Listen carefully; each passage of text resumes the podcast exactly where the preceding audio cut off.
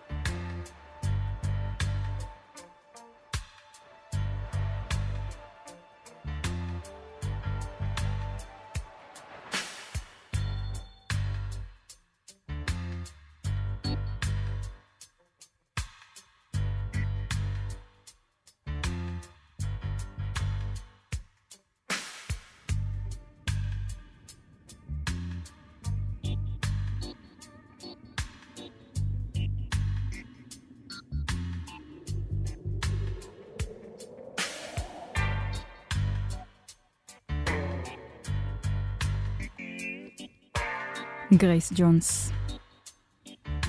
Nightclubbing. כאן 88.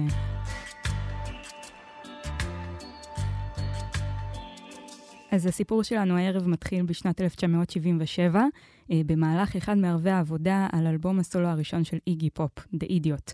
דייוויד בואי אלתר מנגינה קודרת על פסנתר ומכונת תופים אלקטרונית בדירה המשותפת שלהם בברלין. את המילים כתב פופ אחרי שבואי הציע לו לכתוב על הליכה לילית כאילו היו רוחות רפאים. שניהם לא באמת חשבו שארבע שנים מאוחר יותר, דוגמנית, שחקנית וזמרת בשם גרייס ג'ונס, תבחר בו לשיר הנושא של אלבום הפריצה המשמעותי בקריירה שלה. לאלבום הזה אנחנו עוד נגיע בהמשך הערב שלנו, ונבין גם מה הסיבה שגרייס הפכה אותו לסוג של המנון משלה, שמשלב למעשה כאן בין הפקת רגאיי חיה לבין הקול המתכתי והקר שלה, כמעט חסר הבעה. אה, זה מה שאפיין את סגנון השירה וההופעה שהפכו לכל, לכל כך מזוהים איתה. אה, האמביוולנטיות הזאת אה, תהיה נוכחת גם לא מעט, אבל בשביל להבין את הסיפור המורכב והעשיר של גרייס, אנחנו נצטרך ברשותכם לחזור להתחלה.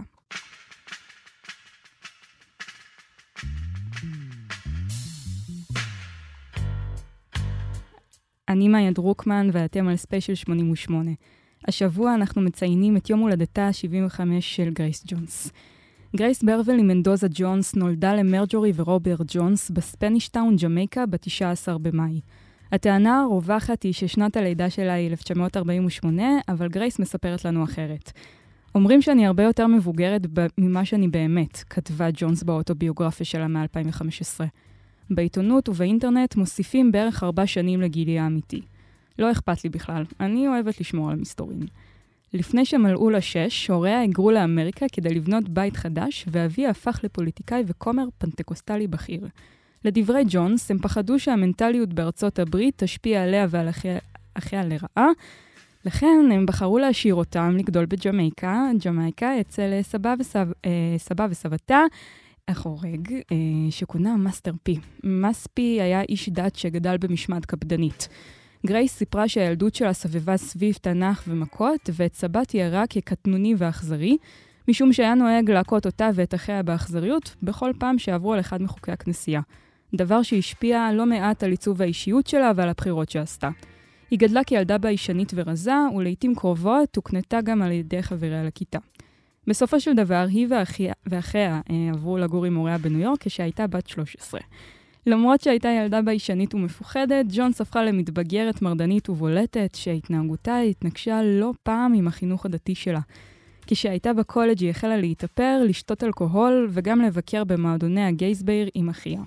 שיעורי התיאטרון שלקחה הובילו אותה להיענות להצעתו של מורה הדרמה שלה להצטרף אליו לפילדלפיה, וזה כדי לעבוד איתו על מחזה, מה שגרם לה לפרוש מהקולג', אה, להצטרף בין השאר לקומונת היפים, להרוויח כסף כלא פחות מרקדנית גו-גו תחת שמה האמצעי מנדוזה, ולהתנסות גם ב-LSD. בגיל 18 היא חזרה לניו יורק והוחתמה בסוכנות דוגמנות, אך לא הצליחה להשיג עבודה בארצות הברית, משום שלטענת סוכני הדוגמנות לא אוהבים שחורים במדינה הזאת, וזה עד שהיא עברה לפריז בשנת 1970 לדירת דוגמניות, אותה חלקה עם ג'רי הול וג'סיקה לנג. אה, בהתחלה היא נאלצה להתמודד גם שם מול גזענות בוטה. סוכן מוביל אמר לה שלמכור דוגמנית אה, שחורה בפריז זה כמו לנסות למכור להם מכונית ישנה שאף אחד לא רוצה לקנות. ג'ונס לא נרתעה אה, והשיבה במשפט שהוכיח את עצמו, אני הולכת לגרום לך לאכול את המילים האלה. אז אה, מראה, המראה האור והאנדרוגיני של ג'ונס, שנחשב באותה עת ללא שגרתי, בשילוב עם אישיותה הממגנטת והכריזמטית, זה מה שדחף אותה לאור הזרקורים, והיא הפכה לדוגמנית מבוקשת מאוד בעיר, כזאת שגם מככבת על המסלולים ושערי המגזינים הנחשבים. בין לבין, אה, גרייס גם נהגה לבלות בכל המועדונים הכי חמים באותה עת. היא חגגה אה, מדי ערב במועדון לה ספט, אחד ממועדוני הגייז הפול, הפופולריים ביותר בפריז של שנות ה-70 וה-80, וזה בחברתם של אה, מעצבי העל ג'ורג'ו ארמני, איב סן לורן. אבל בגיחותיה לניו יורק, היה מקום אחד שבו הנוכחות של גרייס הורגשה במיוחד, וזה היה הסטודיו 54. את הרעיון לסטודיו 54 אה, הגו שני מסעדנים מברוקלין בשם סטיבן רובל ואיאן שגר. הם חלמו לפתוח מקום לכל מי שנוהר אחר כל משהו יוקרתי, נוצץ והוליוודי. בעזרת משקיעים, החלום שלהם התגשם, וברחוב 54 בניו יורק, בתאריך ה-24 באפריל 1977, המקום הזה נפתח כשמולו השתרך תור עצום של כל המבעמים. בתקופה שבאה אחר כך ונמשכה עד לתחילת שנות ה-80, ביקרו במועדון אין ספור ידוענים. מוזיקאים, אנשי עסקים, שחקנים, אנשי אומנות ונשות פוליטיקאים. זה היה המקום שבו מפורסמים יכלו להרגיש בבית מבלי להיות מוטרדים מנוכחותם של פשוטי העם, משום שנקט בסלקציה קפדנית וחסרת פשרות. בביוגרפיה שלה מ-2015 היא כינתה את עצמה חיית המסיבות הפרועה ביותר אי פעם, וסטודיו 54 היה בשבילה ארמון של חלומות, שבו האנשים היפים ביותר רקדו וחגגו, והאופנה הייתה חשובה לא פחות מהמוזיקה. That's how I got discovered, jumping up on tables and singing and dancing to, to disco music. אז היא מספרת לנו שהיא נהגה לבקר בסטודיו 54 עוד לפני שהיא התחילה לשיר, כשהיא עוד הייתה רק דוקמנית והיא רקדה שם בלי סוף, קפצה על שולחנות וככה היא למעשה התפרסמה. אה, בתחילת שנת 1977, אה, כשגרייס ג'ונס הייתה כבר אה, בליינית מוכרת וקבועה במועדון, היא החליטה לעשות מעשה ולהזמין את נייל רוג'רס ואת חברו ללהקת שיק, ברנרד אדוארדס, למסיבת ערב השנה החדשה, רק שהיא שכחה דבר אחד מאוד קריטי, והוא לרשום אותם ברשימת המוזמנים. את מה שקרה אחר כך, רוג'רס יתאר לנו עכשיו במילים שלו. So when Grace called us, he says, uh... What I want you to do is you go to the back door of Studio 54. Tell them that you are personal friends of Miss Grace Jones. So we knocked on the back door of Studio 54 and the guy slammed the door in our faces and said, oh, f off. We banged on the door. We get his attention again. He says, didn't I tell you to f off? I had that light bulb moment. I just remember this guy going, oh, f off. Oh, we picked up our instrument and I started playing. Ah, f- off. F- Studio 54. We liked it so much once we started jamming, we certainly couldn't get f- off on the radio. So we wind up with Ah, freak out. To this day, it's the biggest selling record in the history of Atlantic Records. אז על אה, אף שהם היו מוזמנים למסיבה, אה, נייל רוג'רס מספר שהשוער בד... בדלת הכניסה לא נתן לחברי הלהקה להיכנס וטרק להם את דלת המועדון בפרצוף, תוך כדי שהוא אומר להם לכו לעזאזל ולהסתלק מהמקום.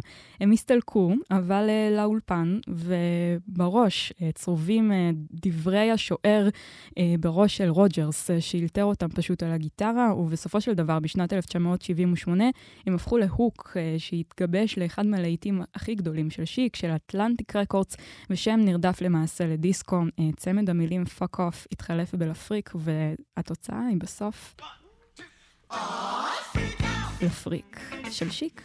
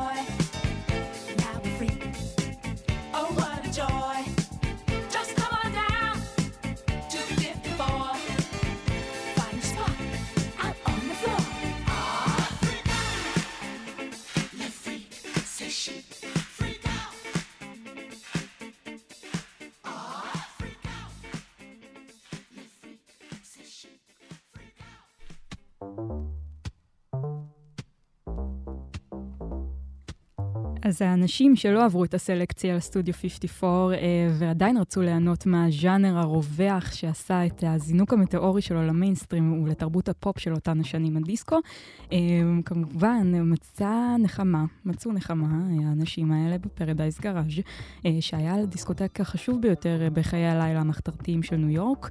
המקום הזה היה נראה כמו מוסך למכוניות מבחוץ, אה, שם אנשי השוליים של העיר, שחורים, היספנים והומוסקסואלים, אה, יכלו לפרוק כל עול.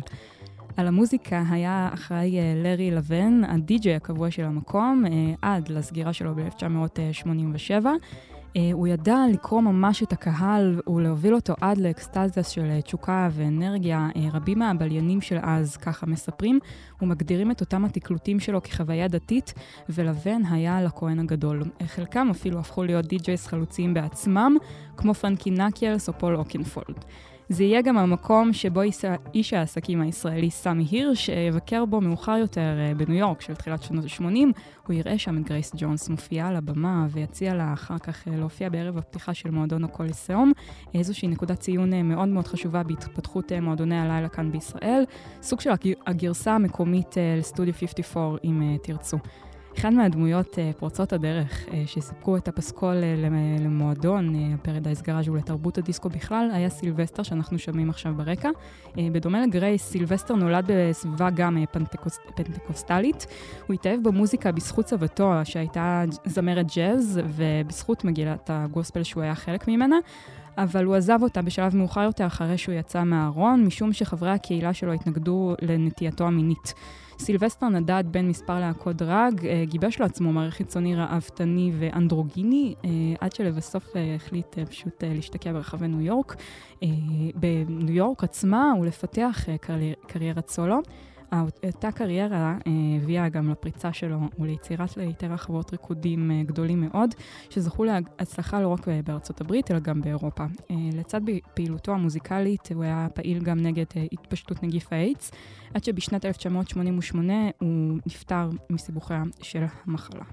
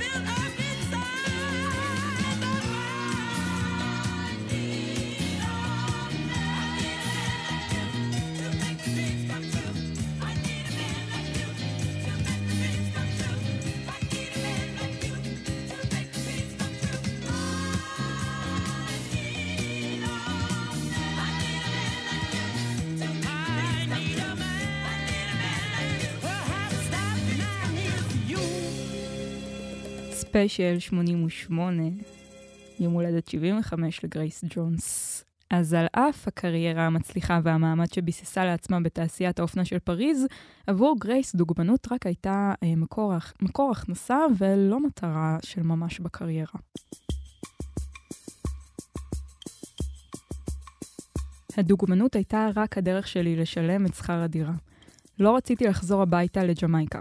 חשבתי, אם אני הולכת לשח... להמשיך ולשחק, אני חייבת להתנסות בהכל, היא סיפרה בריאיון.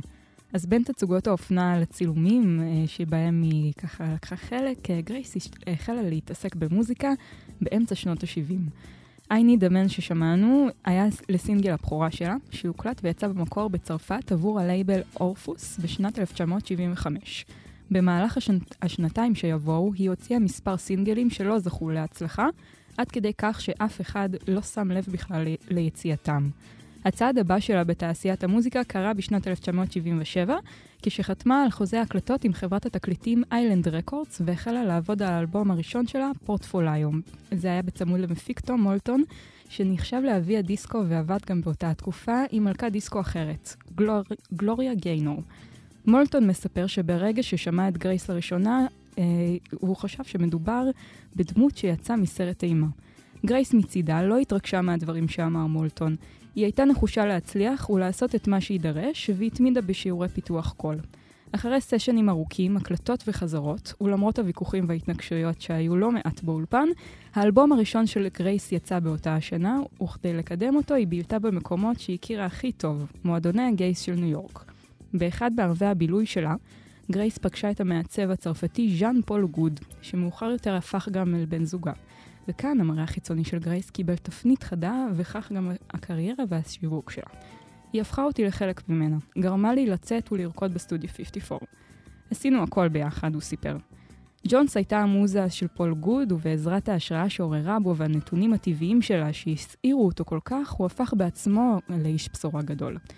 השניים גיבשו חזון לתדמית החיצונית של, ג... של גרייס, הדימויים הפוסט-מודרניים והאוונגרדיים שלהם הפכו את ג'ונס, אה, ג'ונס לאיקונית, וההופעות שלה הפכו למופעי אמנות של ממש. כך גם הקליפים, העטיפות לאלבומים שיבואו בהמשך וכל מה שמסביב. אהבתי את, את השילוב בין חרדה ליופי, אה, והרגשתי שזה השלב להשתדרג, סיפר אה, פול גוד בריאיון אחר.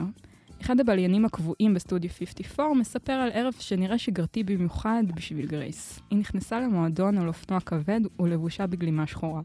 אחר כך היא ניגשה לבר והעיפה את כל הכוסות שהיו מונחות עליו לרצפה, נשכבה עליו והתחילה לשיר את לוויאן רוז, פרשנות בת השבע דקות שלה לקלאסיקה של אדית פיאף, שבהתחלה הייתה אמורה לצאת בכלל כסינגל של זמרת אולפן אחרת שעבדה עם תום מולטון, אך ההוצאה שלו לא יצאה לפועל וגרייס, שהתעקשה עליו, זכתה בשלל.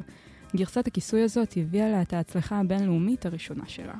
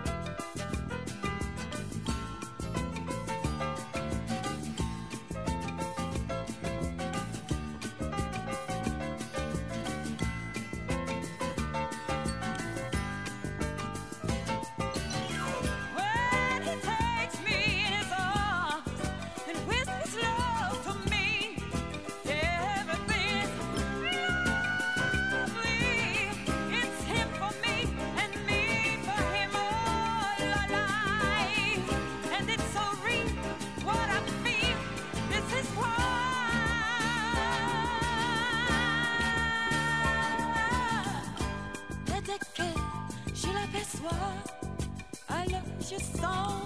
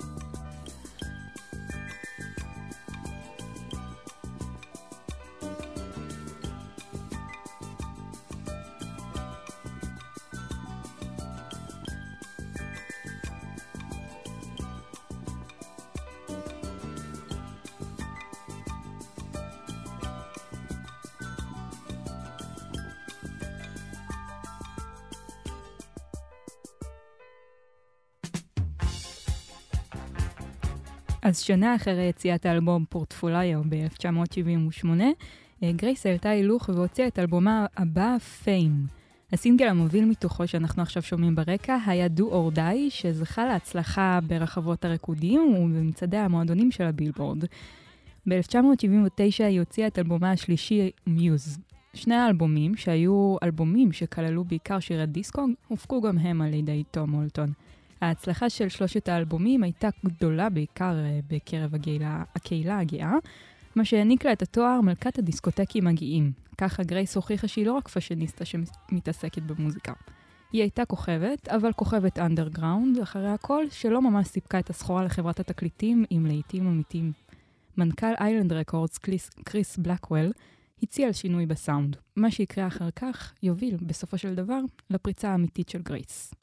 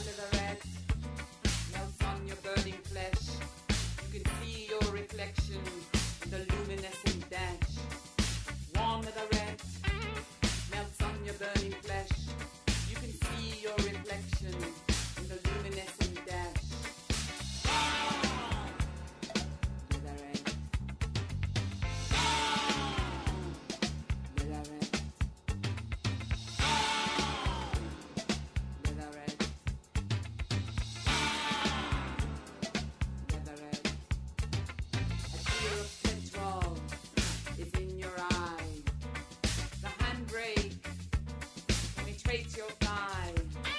A tear of petrol is in your eye. The handbrake penetrates your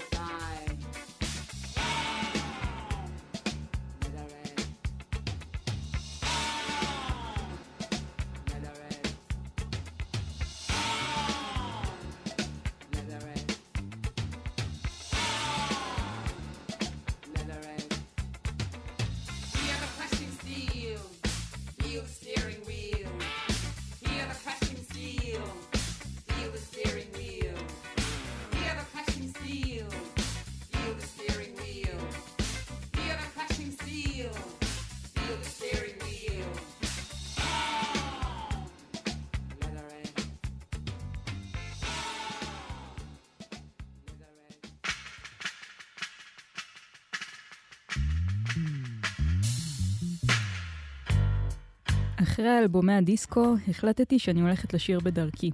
לא לנסות ולהיות זמרת פופ רגילה. שרתי גבוה מדי, אז הייתי צריכה למצוא את הקול האמיתי שלי, העמוק. כולם חשבו אז שאני גבר, מספרת גרייס. אז בתחילת שנות ה-80, ז'אנר הדיסקו דעך, והגל החדש תפס את המקום אה, של הז'אנר המוביל של אותה עת. קריס בלקוול עודד את גרייס להמציא מחדש את הסאונד שלה, שדרכו תביא לידי ביטוי את האישיות העוצמתית ואת ההשפעות המוזיקליות המגוונות שלה בצורה הטובה ביותר. הוא שידך לה את סליי דנבר ורובי שייקספיר, שעמדו בראש להקת הבית של אולפני קומפס פוינט, וידועים יותר כצמד הרגאיי סליי אנד רובי, כדי שיפיקו יחד איתו את אלבומה הרביעי, Warm Leatherette. האלבום הוקלט באיי הבהאמה, והיה תערובת של גל חדש ורגאיי, שחש... שחשפה אותה לקהל מעריצים שונה, ויציאתו לא רק גרמה לשינוי מוזיקלי אה, אצל גרייס, אלא גם לשינוי תדמיתי חיצוני. גרייס ג'ונס ידועה כאחת מחלוצות המראה האנדרוגיני, כזה שלא מחויב למגדר. היא מספרת שהיא אוהבת להתלבש כמו בחור, אז אה, היא אמרה את זה למגזין אינטרוויו ב-1984. מה שיהיה בעתיד הוא חוסר מגדר. אתה יכול להיות בן, בת, מה שאתה רוצה. במבט לאחור, המשפטים האלה שאמרה לפני 40 שנה ונראים היום כמובנים מאליהם, הקדימו את זמנם. לבלקוול לא היה אכפת שאני נשמעת כמו גבר או אישות, מספרת ומודה, שהטכניקה הווקאלית המוזרה שלה, איפשהו בין חצי דיבור לחצי שירה, החמיאה בצורה מושלמת לסגנון הוויזואלי האנדרוגיני שהיא פיתחה. על עטיפת האלבום שעיצב וצילם אה, בן זוגה, פול גוד, ג'ונס נראתה בתסרוקת קצוצה ושטוחה ובאיפור כבד. האלבום יצא במאי 1980 וכלל בעיקר גרסאות כיסוי. She's Lost Control של Joy Division, שעליה היא מספרת שבמהלך ההקלטות היא לקחה את, הצ... אה, את הטקסט אה, למעשה צעד אחד רחוק מדי, ואיבדה שליטה עד שהפחידה את עצמה, ועד היום היא פשוט לא מסוגלת להקשיב לגרסה הזאת. אה, שיר הנושא שבוצע במקור על ידי הרכב האינדסטריאל דה נורמל, תום פטי, רוקסי מיוזיק ונוספים. אבל גרסת הכיסוי שזכתה להצלחה מרשימה הייתה לפריטנדרס. אה, קריסי היינד אה, אמרה שכששמעה לראשונה את הגרסה של גרייס ל Private Life, היא חשבה שבדיוק ככה זה אמור להישמע.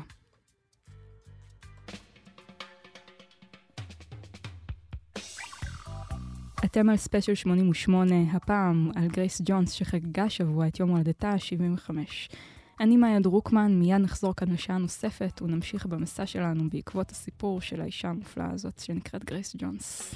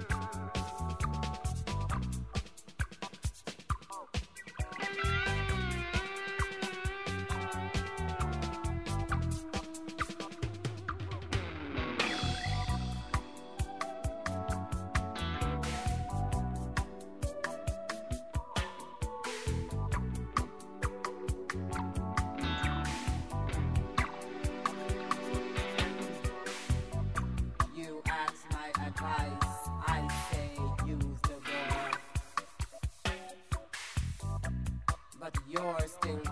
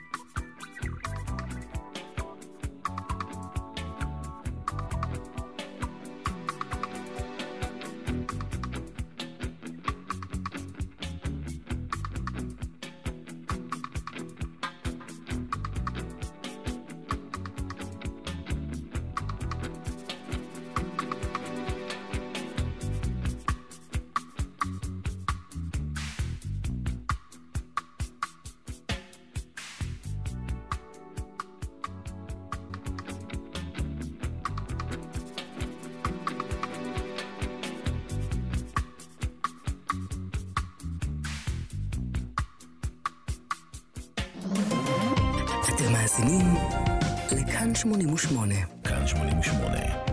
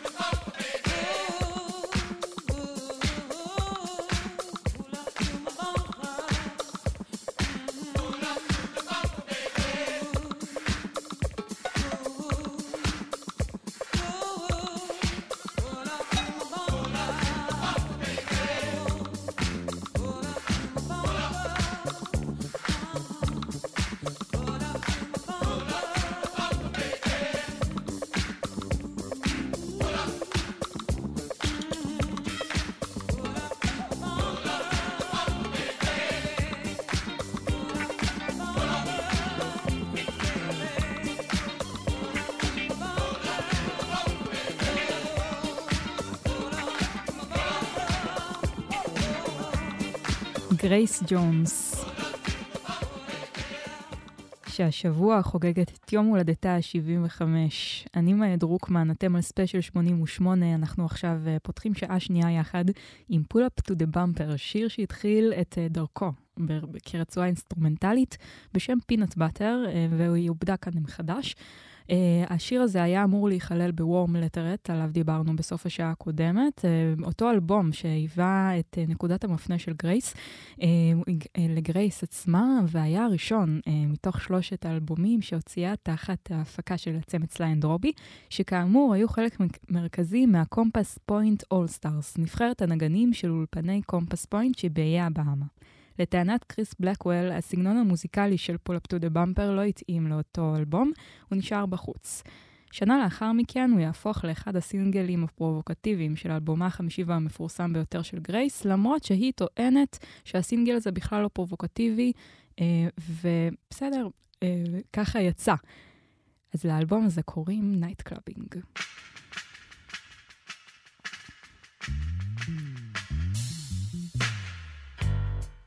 השידוך עם סליי אנד רובי וחברי הקומפס פוינט אולסטארס שהתגלה כמוצלח, נמשך גם בעבודה על האלבום Nightclubbing, שם השורשים הג'מייקנים של גרייס קיבלו ביטוי מלא.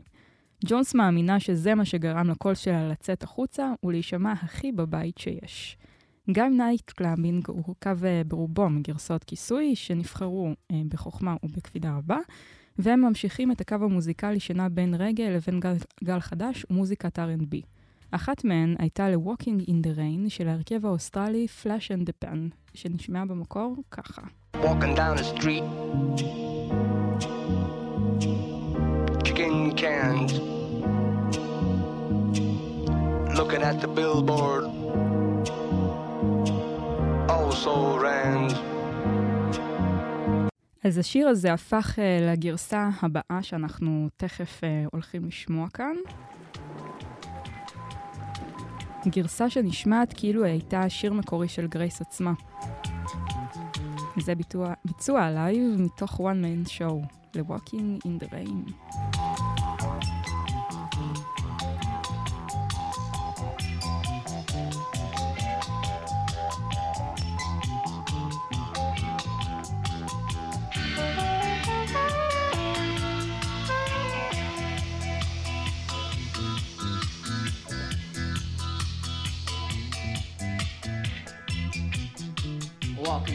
Street,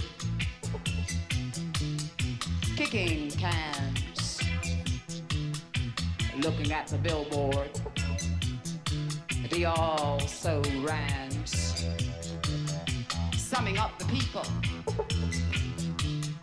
checking out the race, doing what I'm doing, feeling out of place, walking walking in the rain.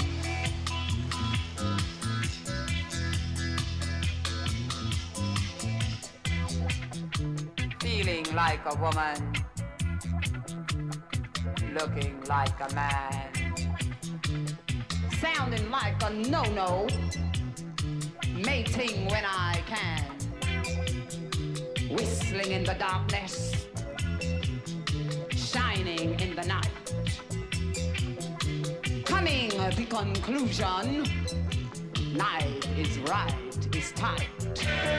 Walking, walking in the rain.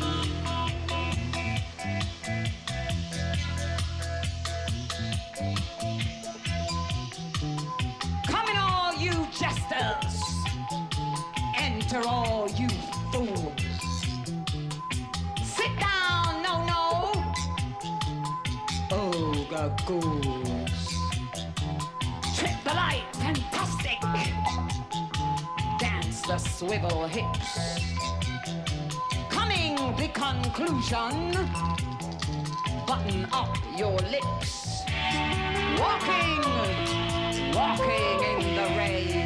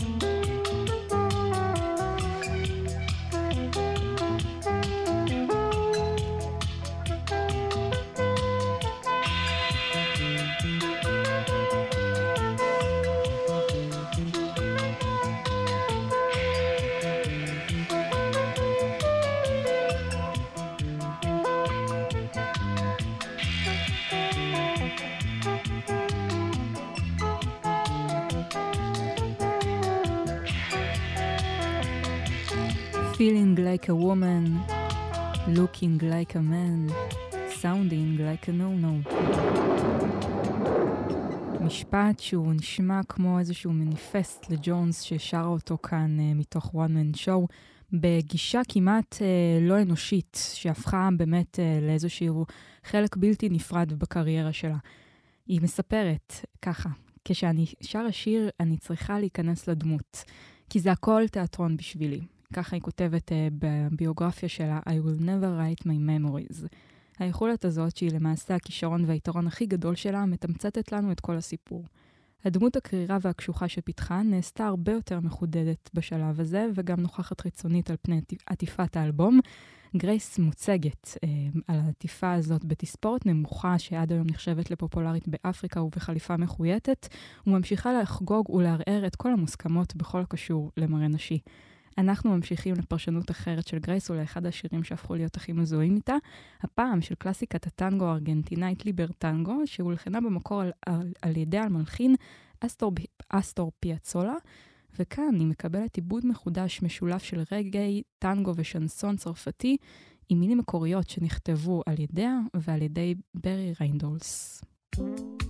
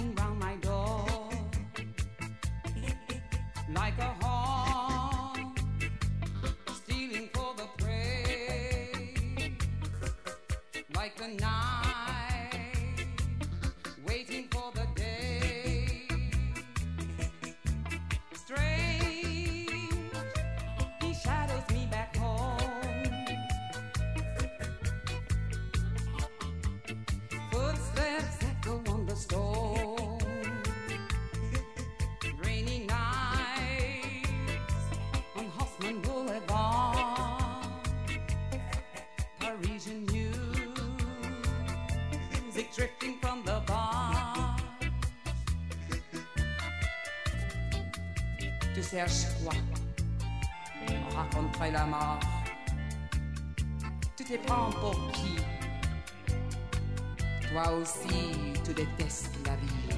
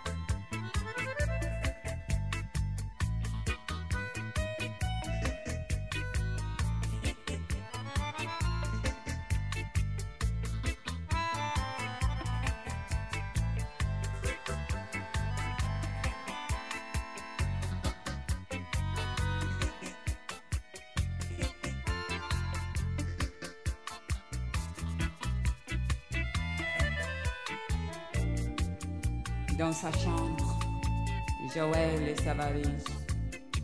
On regarde sur ses fringues, sur les murs des photos, sans regret, sans mélo. La porte est claquée. Jorel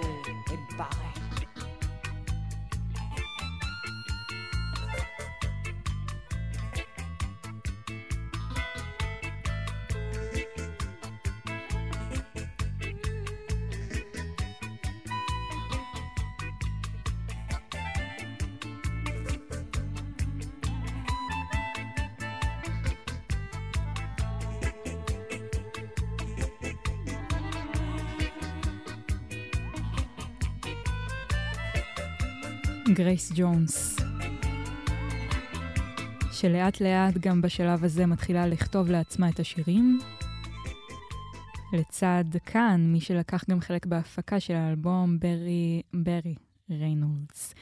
אז uh, עד היום, Nightclubbing, האלבום uh, הפך להיות האלבום שמזוהה עם ג'ונס יותר מכל אלבום אחר.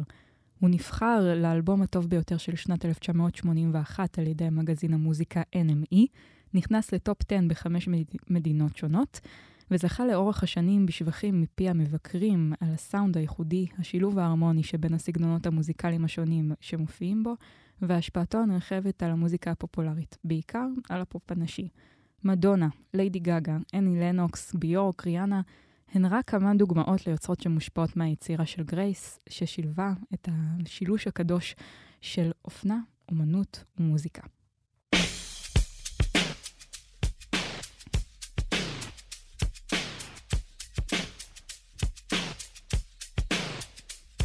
בשנת 1982 שוחרר האלבום הש... השישי של ג'ונס, והאחרון בטרילוגיית סליי אנד רובי, Living My Life. זאת גם השנה שהיא מגיעה לארץ כמלכת חיי הלילה של ניו יורק ושל הסטודיו 54 בפרט. זה היה למספר הופעות, לכבוד אירוע הפתיחה המתוקשר של מועדון הקוליסאום בתל אביב. המועדון שהציב סטנדרט חדש לכל הקשור במועדוני לילה וחיי לילה בישראל. בעיצוב שלו, שהיה חדשני למדי וגם כלל קרני לייזר ותעתועי תאורה, והושקעו בו מאות אלפי דולרים. לקראת סוף שנות ה-80 הפופולרית של המועדון החלה לדעוך עד לסגירתו הסופית בשנת 1999. בשנים שעברו אחר כך, גרייס זוכה סוף סוף להגשים את חלומה האמיתי, והוא המשחק.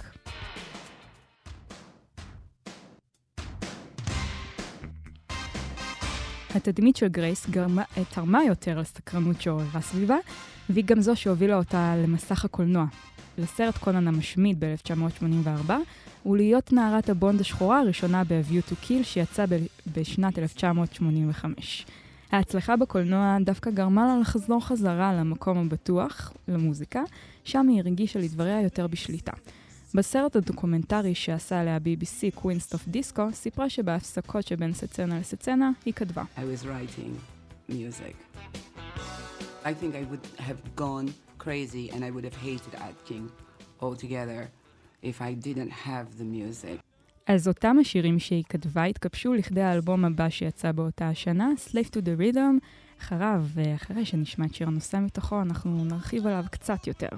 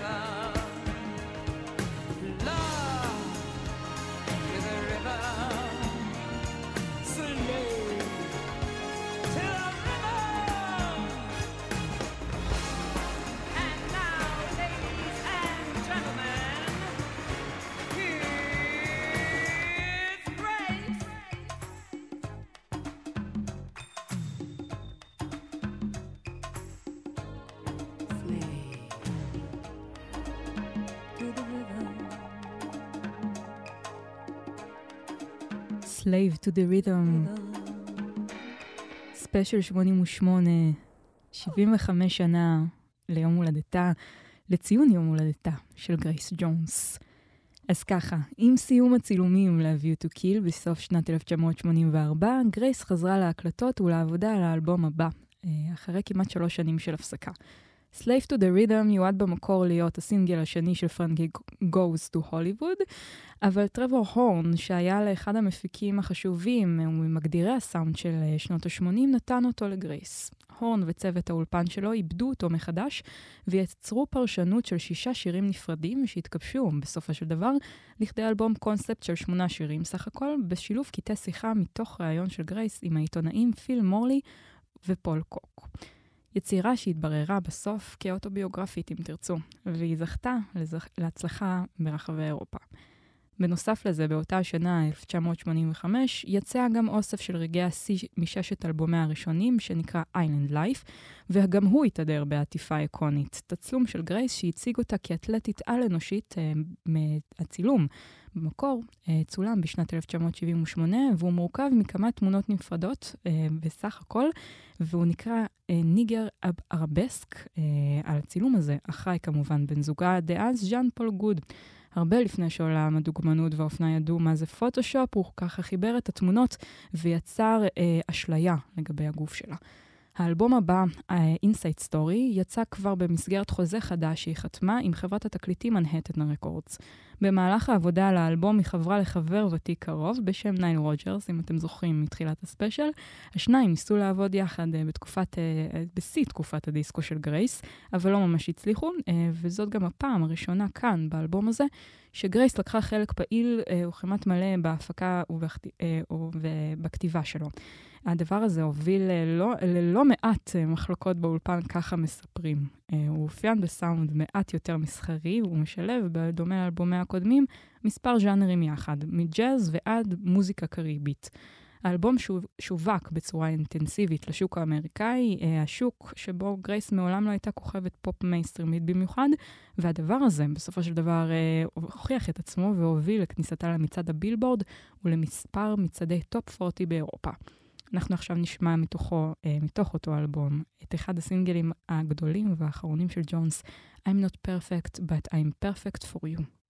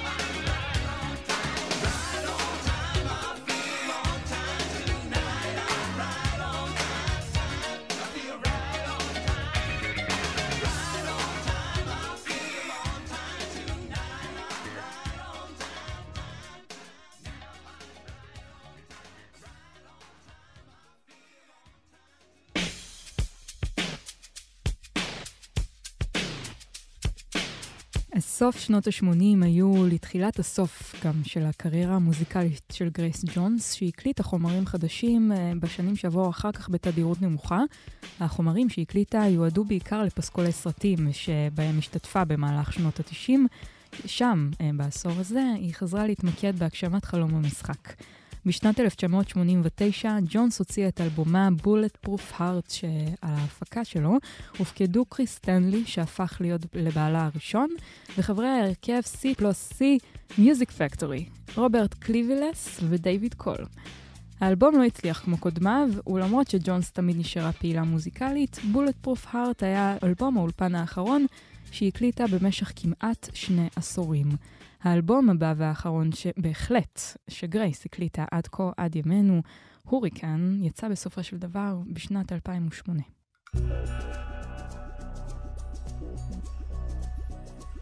You can't say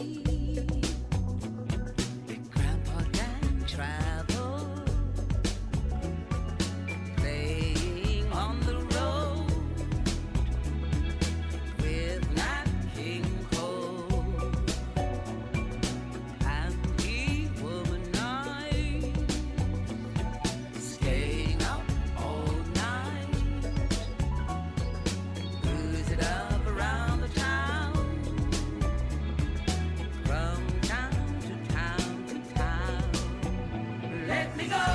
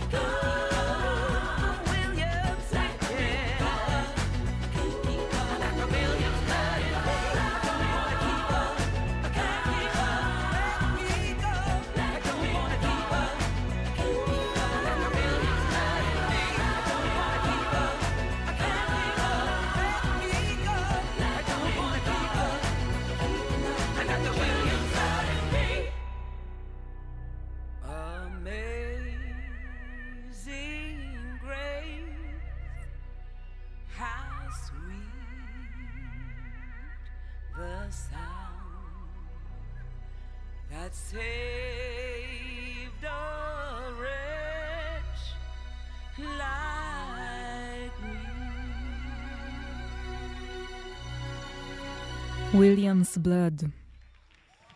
אז ביוני 1998, ג'ונס הייתה אמורה להוציא אלבום בשם Force of Nature, עליו היא עבדה עם מוזיקאי הטריפ-הופ טריקי. אבל uh, עקב חילוקי דעות כבדים ביניהם, האלבום הזה מעולם לא הושלם חוץ מקטע אחד בשם Hurricane, Cradle to the Grave, שהגרסה המועטת שלו הפכה להיות לשיר הנושא של אלבום הקאמבק שלה, uh, שהיה הפעם אישי וחשוף במיוחד.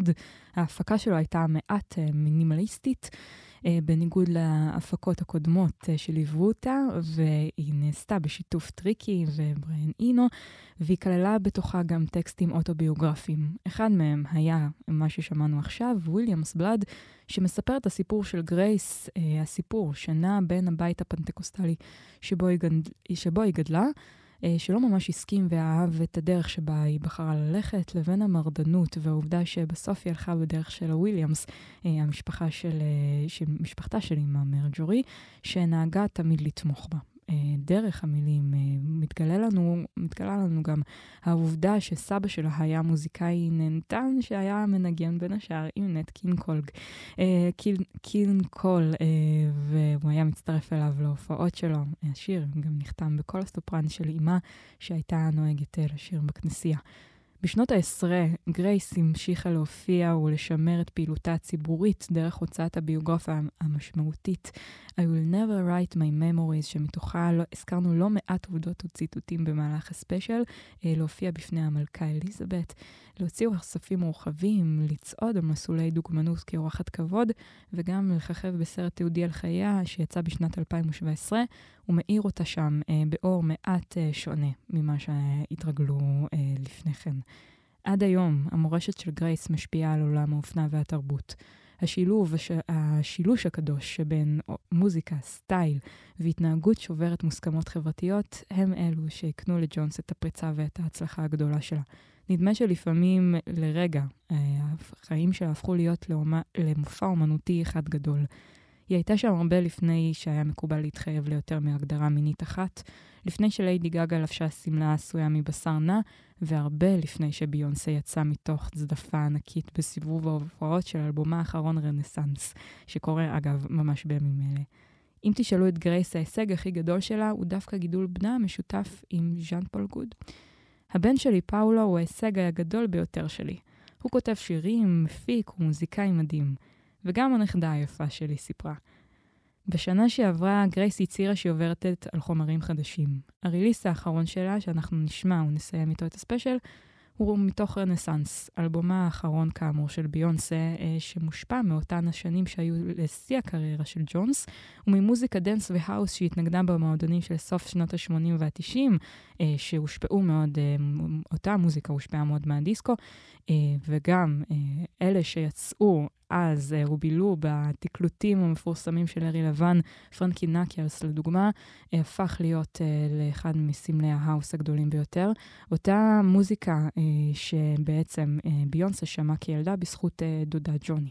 שיתוף הפעולה בין שתיהן מגיע אחרי שגרייס הצהירה בעבר בביוגרפיה שלה שהיא מסרבת לשיתופים עם אמנים עכשוויים רק בשביל פרסום רגעי, משום שיש מי שממשיכות את דרכה. אבל אה, ביונסה, לדבריה, היא הייתה מאוד אה, מאוד מתוקה, אז היא אמרה בסדר, אה, היא פגשה אותה כמה פעמים למעשה בכנסייה של אה, אחיה אה, בלוס אנג'לס, אחיה של גרייס, אז היה להם את הקשר הבין-אישי הזה מעבר להיותן שתי זמרות. וזהו, אנחנו נחתום את ספיישל חגיגות ה-75 לגרייס ג'ונס, בתקווה שגרייס אולי תוציא חומרים חדשים בקרוב, ושהמורשת שלה תישאר איתנו עוד הרבה שנים. אולי גם היא תתארח בסיבוב הופעות של ביונסה שרץ בימים אלה. ספיישל 88, יום הולדת 75 לגרייס ג'ונס. אני הייתי איתכם כאן, מאיה דרוקמן, מאחלת לכם המשך האזנה נעימה ולילה טוב.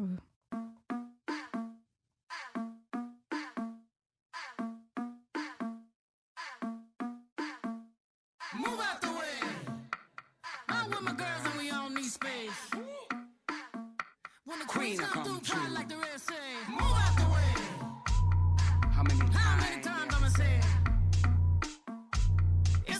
A run with the team touch bears. Rock up, bitch, rock up, bitch, rock up. Humble like we they come up. Don't make it turn into trouble. Cause we coming straight out the jungle. Rock up, bitch, rock up, bitch, rock up. Humble like we they come up. Don't make it turn into trouble. Cause we coming straight out the jungle.